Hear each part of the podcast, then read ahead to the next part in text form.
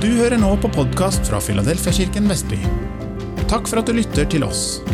Vi håper det vil være til oppbyggelse og inspirasjon, og ønsker deg god lytting. Finn flere taler ved å søke Filadelfiakirken Vestby i din podkastapp. Når Pavel spurte meg om jeg ville holde en tale her i dag, eller preken, så sa jeg at det har jeg lyst til å gjøre. Men det er alltid spennende å skulle preke en forsamling. Det er ikke ofte jeg gjør det. Um, men det vil si det at uh, vi har hørt mange ganger i den siste tida om at uh, det mye tyder på at Jesus kommer snart igjen. Og i 1979, da var jeg 18 år gammel, og da hadde jeg vært med noen år i noe som heter Nordmøre tenåringskor. Og det året så spilte vi inn en kassett ja, jeg er såpass gammel at uh, jeg vet hva en kassetteip er for noe. Men det, dere litt yngre vet vel knapt hva det er for noe. Men vi spilte inn en musikal som heter 'Han kommer snart'. Jeg husker ikke helt hvem som skrev teksten, eller hvem som laget musikalen. Men uh, Eh, musikalen den blir laget på bakgrunn av det som står i kapittel 24 i Matteus. Og jeg har denne åren, våren her blitt minna mange ganger på denne musikalen. Og jeg har vært usikker, men jeg har følt det slik at jeg skal minne meg og dere andre litt om hva som står i dette kapitlet. Eh, om hva som skal skje før Jesus kommer igjen. Også Kapittel 25 er også nært knytta til kapittel 24. Um, Berit og jeg vi var på oasestevne i Fredrikstad i sommer, hvor vi ble fylt av Guds ord og god forkynnelse. Og En av lærerne der, en bibelskolelærer på Bildøy bibelskole, som heter Birgitte Sætre Knutsen, sa 'Jeg tror det haster', sa hun. Ja, det haster med å forkynne Guds ord til de unådde. Og Dette følte jeg ga meg et hint om at det jeg tenkte å snakke om her i dag, kanskje var riktig. Også hovedtaleren på Oase var en engelskmann som heter Richard Fothergill. Han hadde en sterk profetisk gave. Det var fint å høre han tale, men han hadde også et seminar om det, hvordan bruke den profetiske gaven. Og under seminaret så ble det skikkelig tordenvær. Eh, så de måtte slå av alle, alt av lyd og bilder. Og når, den, eh, når, tordenværet var over, så klarte de ikke å få opp igjen eh, anlegget. Så det, det ble gjort om litt på programmet, så det ble litt mer praktisk anlagt. Der ble vi delt inn i grupper på tre hvor én skulle ta imot et budskap, og de to andre de skulle lytte og dele bibelvers, ord og bilder som de ble minna om, og som du skulle dele med den som skulle ta imot budskapet. Jeg ble satt sammen med to litt yngre personer. Og Slik så fikk vi lytta til Guds, ord, Guds stemme to ganger og ta imot et profetisk budskap én gang. Og Richard han ba en bønn hver gang. Og så skulle vi være stille i ett minutt. Eh, for han forklarte at det var veldig ofte det som kom først fram, eller kom i første tankene våre, det var det som var viktig å legge vekt på. Og når det var min tur å høre fra en av de, de andre, da, eller fra de to andre, så var det en av de som hadde fått et bilde hvor han så Nebukadnesar og Daniel han, sa, han så dette, men han visste ikke hva det betydde. Og Jeg sa også at jeg visste heller ikke hva det betydde, men Daniel han har vært en av mine store forbilder. Um, og I ettertid så har det blitt klart for meg at Daniel han var en av profetene i Det gamle testamentet som hadde fått syner og drømmer om hva skulle skje i den siste tida før Jesus kommer igjen. Han var en mann som sto fast på Guds ord og ville ikke tilbe kongen eller noe kongebilde. Han hadde bare én Gud som han ville tilbe, nemlig Gud i himmelen. Og kanskje var dette en påminnelse om at jeg skulle snakke litt om dette temaet her i dag. Eh, det er jo litt skummelt, for det er jo et litt tungt og vanskelig tema. Eh, men jeg skal holde meg til kapittel 24 i Matteus og dele litt annet. da. Overskriften i kapittelet det er 'Jesus taler om de tider som skal komme'. Og De siste tider de starta da Jesus døde på korset og overvant døden. Han dro, dro da opp til sin far, og han sitter ved hans høyre hånd. Han sendte Den hellige ånd, som er med oss hver en dag, og som bor i oss. Og han vil styrke oss og være med oss som tror på Jesus. Som ung 18-åring så syntes jeg nok at budskapet var alvorlig. Men om vi tenkte helt nøye gjennom hva vi sang i den musikalen, det, det vet jeg ikke. Men i bedehusmiljøet som jeg vokste opp i, så var dette, var dette med dommedagsprofetier noe de talte mye rundt på på det tidspunktet. Og jeg syntes nok det hørtes litt skummelt ut. Og det kommer jo litt an på hvordan man legger fram dette budskapet. Og jeg følte at noen ganger så var predikantene ganske tøffe.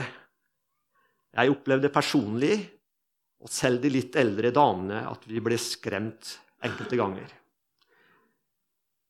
De senere årene så har jeg ikke hørt eller opplevd mye eh, Snakka om mye om dette temaet. Og det skjønner jeg, for det er et vanskelig tema. Og jeg har ikke noe ønske om at noen skal bli skremt av det jeg sier. Og det tror jeg ikke Jesus hadde heller når han snakka til folket. Han sier i Matteus 24, vers 6, at dette med krig og rykter om krig Se da til at dere ikke lar dere skremme, for alt dette må skje. Men ennå er ikke enden kommet.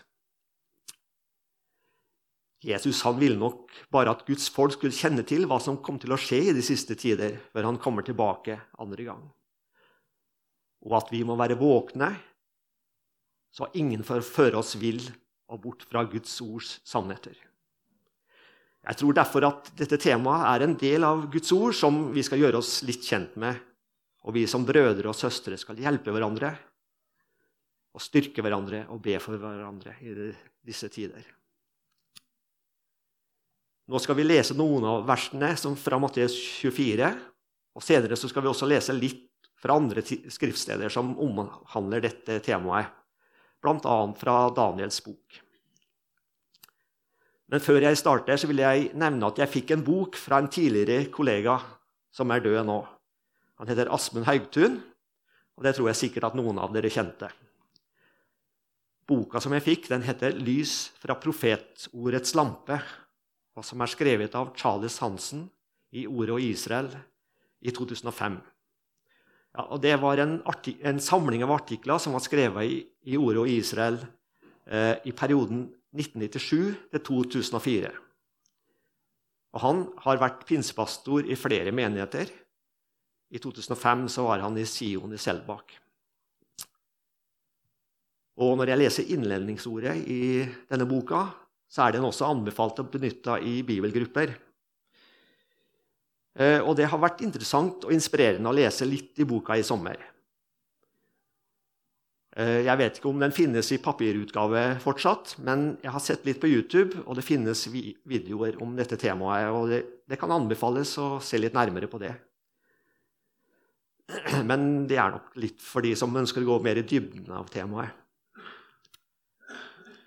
Eh, jeg, som sagt så syns jeg at det er et vanskelig tema og sikkert flere tolkninger. Så jeg har ikke tenkt å bruke den boken som noe kilde til min tale her i dag. Ehm, jeg vil hovedsakelig benytte Guds ord og komme med noen kommentarer. Og så vil jeg si litt om hva jeg tenker vil være viktig for oss enkeltmennesker og som menighet i fremtida. Eh, teksten i Matteus 24 viser flere av tegnene på endetiden før Jesu komme. Dette med at vi må passe oss så vi ikke blir ført vill, der står det om i vers 4. Og det er et viktig budskap fra, fra Jesus. Men det oppsto falske profeter også mens disiplene levde på jorda. Og Jesus han ønska å advare mot slike, slik at de ikke skulle bli ført vill og gå bort fra han. Så nå har jeg tenkt å spille en sang. Jeg har tenkt jeg skal spille fire sanger fra den gamle musikalen. Um, den kassetten som jeg har, den får jeg ikke spilt, men jeg fant et, uh, fant et, uh, et på YouTube noe som heter Meløs ungdomsmusikk, som har spilt inn det samme. Så jeg tenkte jeg kunne spille noen sanger fra det. Skal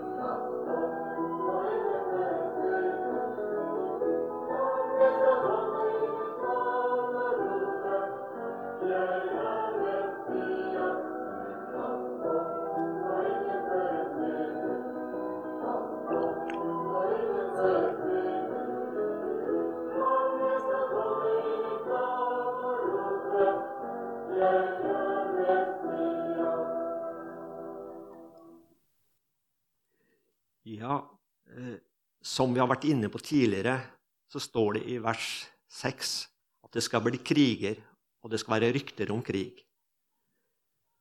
Og så kan vi jo si det at det har vært mange kriger tidligere. Men det som skjer nå, er litt spesielt. For det trues med bruk av atomvåpen, og det kan virke skremmende på de fleste av oss. Men Jesus han sier at vi skal ikke frykte, for dette må skje, men ennå er enden ikke kommet. Flere tegn på endetiden vises i, i vers 7, som bl.a. at folk skal reise seg mot folk og rike mot rike. Og det skal være hungersnød og jordskjelv mange steder. Men mye tyder på at mye av dette har vi sett skje også allerede, og det skjer stadig vekk. Men det vi ser også nå de senere årene, er at folk som har levd sammen som brødre og søstre i lang tid, plutselig går mot hverandre og dreper hverandre. Men det står her alt dette er bare begynnelsen på fødselsriene. Så alle disse tegnene her er jo i gang allerede. I vers 9-12 viser at vi som kristne vil også bli forfulgt for vår tro noe som skjer mange steder i dag.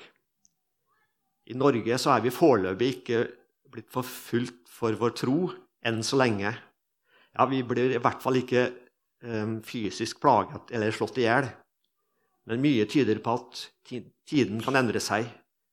I vårt land, som bygger på en kristen kulturarv og en kristen grunnlov Nye forslag til lover i Norge gir grunnlag for at kristne kan ja, komme i fengsel. Dette er det skrevet noe om i 2. Timoteus kapittel 4, fra vers 2-5, hvor det står Forkynn ordet. Stå klar i tide og utide. Vis til rette. Tal til tukt og tal til trøst. Men all tålmodighet og iherdig undervisning. For det skal komme en tid da folk ikke lenger skal tåle den sunne lære, men skaffe seg den ene lære etter den andre, slik de finner det for godt. For de vil ha det som klør i øret. De skal vende øret fra sannheten og holde seg til myter. Men du må være edruelig i alt du gjør. Bær lidelsene dine og gjør din gjerning som evangelist og fullfør din tjeneste. Ja, dette er en oppfordring til oss som menighet og til enkeltpersoner som vil følge Jesus. Det står også at mange skal falle fra og angi hverandre og hate hverandre. Igjen advares det mot falske profeter som skal stå fram og føre mange vill. Og på grunn av lovløsheten skal kjærligheten bli kald hos de fleste, står det. Ja, dette syns jeg er tøff lesning. Men vi får be om at vi som kristne mennesker får holde oss tett inntil Jesus og holde oss til Guds ord, og be om at vi som menighet må stå sammen i enhet. Be for hverandre og støtte hverandre som brødre og søstre og bli fylt av Hans kjærlighet. Vers 13 er en stor oppmuntring til å søke Gud og bli fylt og ledet av Den hellige ånd.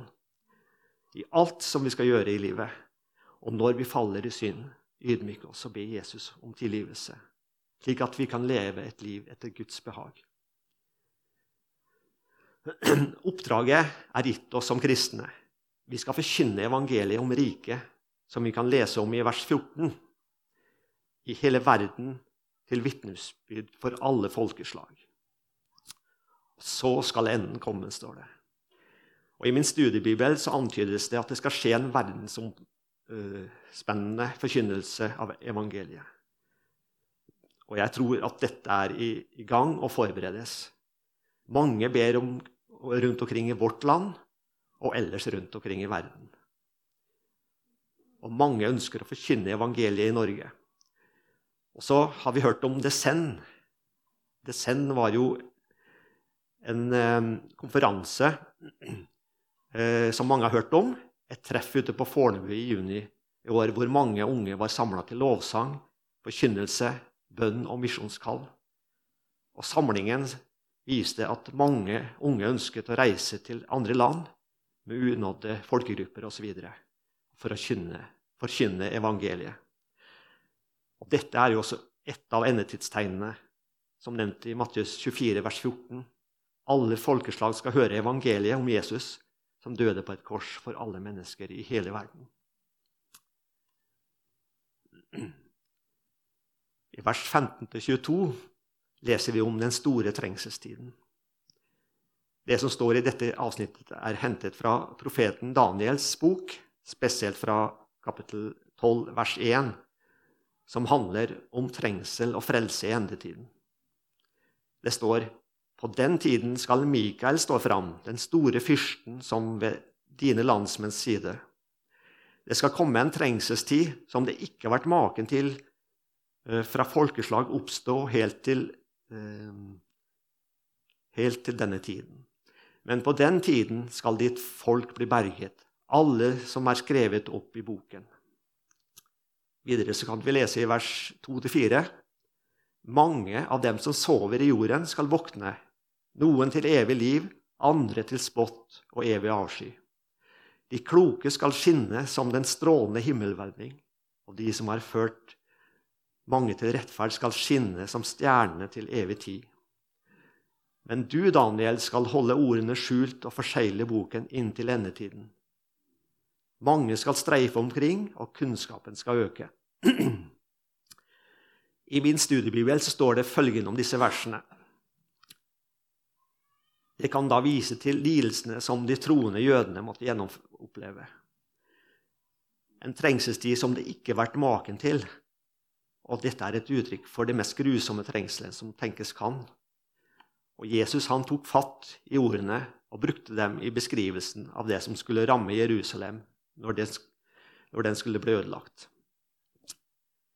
Men to fakta skal likevel gi de troende trøst Mikael, den store englefyrsten, skal stå opp og verne sine. Og Gud har en bok som de frelste er skrevet opp i. At man sover, er en formidlende omskriving av at man dør. Det at kunnskapen blir stor, er en referanse til disse profetiene og ikke til menneskelig kunnskap generelt.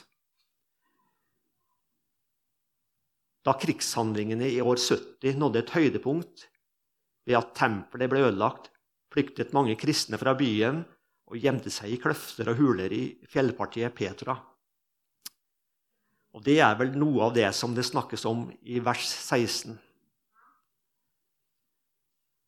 Det er så viktig at de kristne ikke ser seg tilbake og går for å hente uviktige ting i denne tiden, slik som Lots kone gjorde.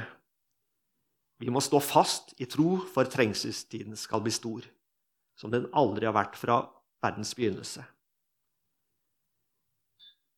Og det står at hvis ikke denne tiden ble forkortet, så ville ingen bli frelst. Og I min studiebibel så står det litt om det med Matteus 24, vers 22. At den dagen vil bli forkortet, betyr at Gud vil sette en grense for trengselstiden. Og kristne vil ikke for alltid måtte leve i forfølgelse. Og så skal vi merke oss de gode nyhetene om riket i vers 13. Den som holder ut til enden, skal bli frelst, står det. Eh, vers 23-31 de handler om når menneskesønnen Jesus kommer. Og I dette avsnittet blir vi også advart mot falske messiaser og falske profeter. At det gjøres mirakler, beviser ikke at det er fra Gud, for det skal prøves på tegn. Eh, når det utføres tegn, så skal det prøves på Bibelens rette lære og Guds vitnesbyrd fra Guds ånd.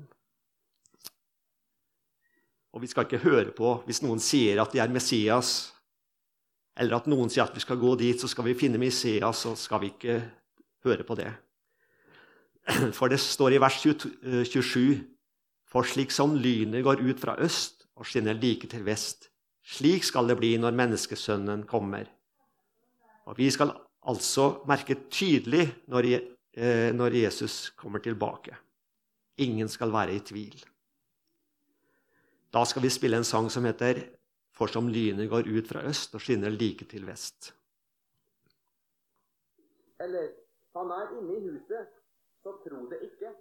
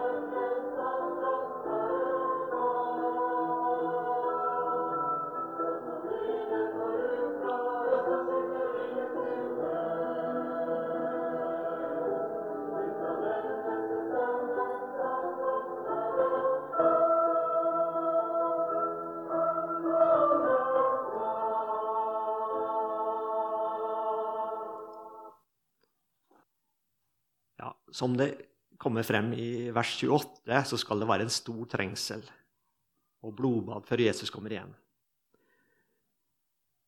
Om dette som det står om i vers 29, om at solen skal bli formørket og månen miste sitt lys, er det profetert om i Jesajas 13,10. Der står det For himmelens stjerner og stjernemilder lar ikke lyset skinne. Mørk er solen når den går opp, og månen gir ikke lys. Og så er det om menneskesønnens tegn, som det står om i vers 30. Det peker trolig mot at Jesus viser seg selv i himmelen. Og I apostelgjerningene kapittel 1 vers 11 så står det Galileere, hvorfor står dere og ser opp mot himmelen? Denne Jesus som ble tatt bort fra dere opp til himmelen, han skal komme på samme måte som dere har sett han fare opp til himmelen. Ja, Det som vi beskrives i vers 31, det er det vi venter på. At de utvalgte skal samles i Jesu kongerike. Og det gjelder så vel jøder som hedninger. Og Når det gjelder jødene, da, så er dette også profetert om i Jesaja kapittel 11, vers 11 og 12, hvor det står den dagen skal Herren for annen gang rekke hånden ut for å kjøpe fri resten av folket sitt. De som er igjen av Assur, Egypt, Patros, Kush, Eliam, Siniar, Hamat og fra kystlandene. Han skal løfte et banner for folkene, og de skal, skal samle de fordrevne av Israel og føre sammen de spredte av Juda fra de fire verdenshjørner. Og Dette er også et av endetidstegnene, at israelsfolket skal komme tilbake til Israel. Tiden for Kristi kongedømme i herlighet innledes da. I neste avsnitt i Mattius 24, eh, vers 32-36, så leser vi om lignelsen om fikentreet. Og I min studiebibel så står det at mange mener at dette er et bilde på Israel. Men selv om Israel er et viktig endetidstegn, så trenger ikke fikentreet nødvendigvis her være et bilde på Israel. Vi skal skjønne at endetiden nærmer seg når vi ser disse tegnene som Jesus skildrer i avsnittet. Parentes så kan man skrive at grenene på trærne blir myke og frembringer løv. Jesus presiserer videre at denne slekten skal ikke gå, forgå før alt dette har skjedd. Og I den sammenheng vil ikke israelsfolket avslutte å eksistere før han har oppfylt alle sine løfter til dem. Alt dette omfatter trengselstiden og det aller viktigste at Jesus skal komme igjen i herlighet. Og Jesus sier også at himmel og jord skal forgå, men mine ord skal aldri forgå. I vers 36 så um, opplyses det en viktig ting. Men dagen og timen kjenner ingen, og ikke engang englene i himmelen, og heller ikke Sønnen, bare Faderen. I 1. Tessaloniker kapittel 4, vers 13-18 beskriver Paulus hva han har fått se hva som skal skje med de troende når Jesus kommer igjen. Og Dette synes jeg er fantastiske ord, så der har jeg tenkt at vi skal lese sammen alle versene.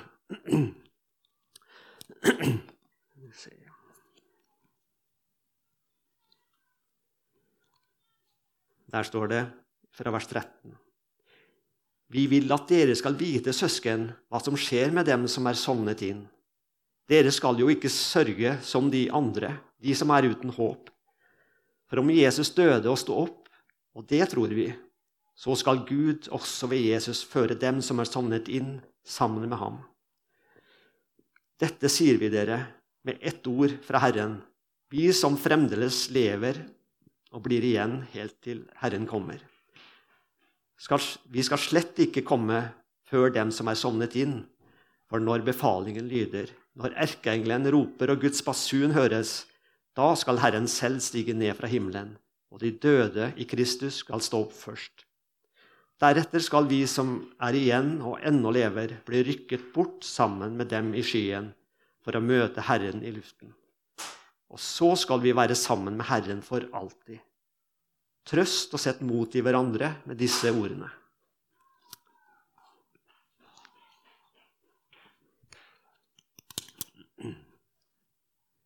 Vi som troende skal, slik jeg oppfatter det, slippe den store trengselstiden hvor Antikrist slippes løs, men blir rykket opp i skyen for å møte Herren i luften. Først så skal Jesus vekke opp de som allerede er døde i troen på Jesus, og deretter rykke de som er levende og som tror på Jesus, altså menigheten, sammen med de som var døde, opp i skyen. Dette kan jo virke litt skummelt, dette med at man, eh, noen skal tas bort, og noen skal være igjen her på jorden. Men dette er jo det vi som kristne lengter etter. Å få møte Jesus og være sammen med ham for alltid. Og I vers 17 som vi leste, så står det ja, vi skal trøste og sette imot i hverandre med disse ordene.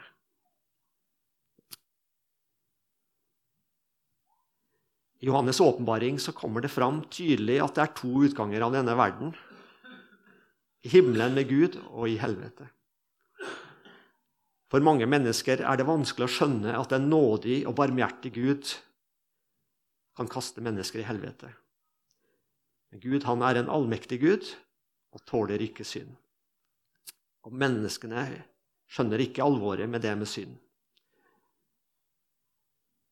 Vi er alle mennesker som er syndige, og ingen klarer å leve uten synd. Men Gud han elsket menneskene så høyt at han sendte Jesus som vår stedfortreder. Og da han døde på korset for vår skyld, han som er uten synd, for at vi skulle bli forsonet med han.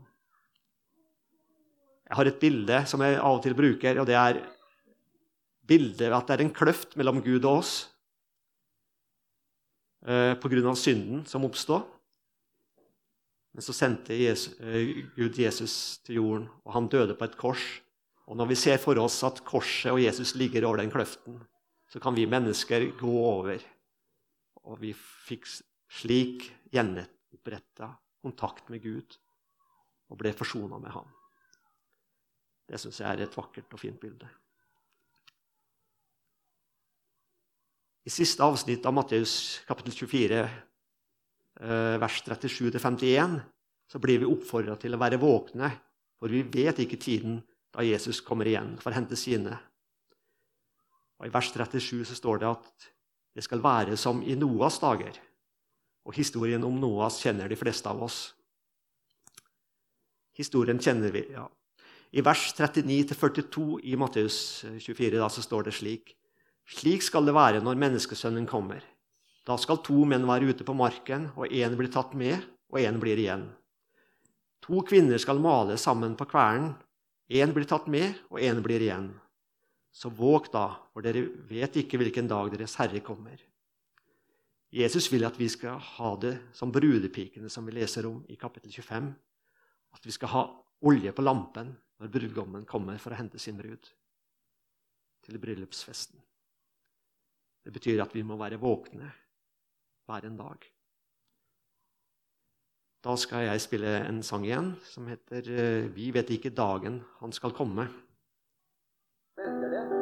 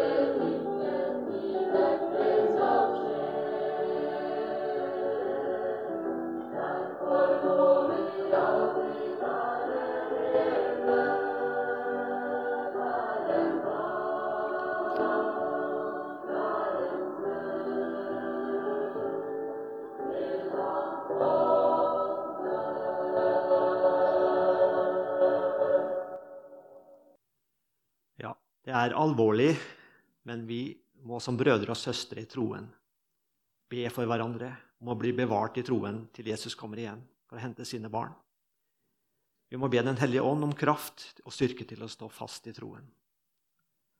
Og Så må vi også være Jesu vitner her på jorden og be Den hellige ånd om ledelse når vi skal fortelle våre kollegaer, naboer osv.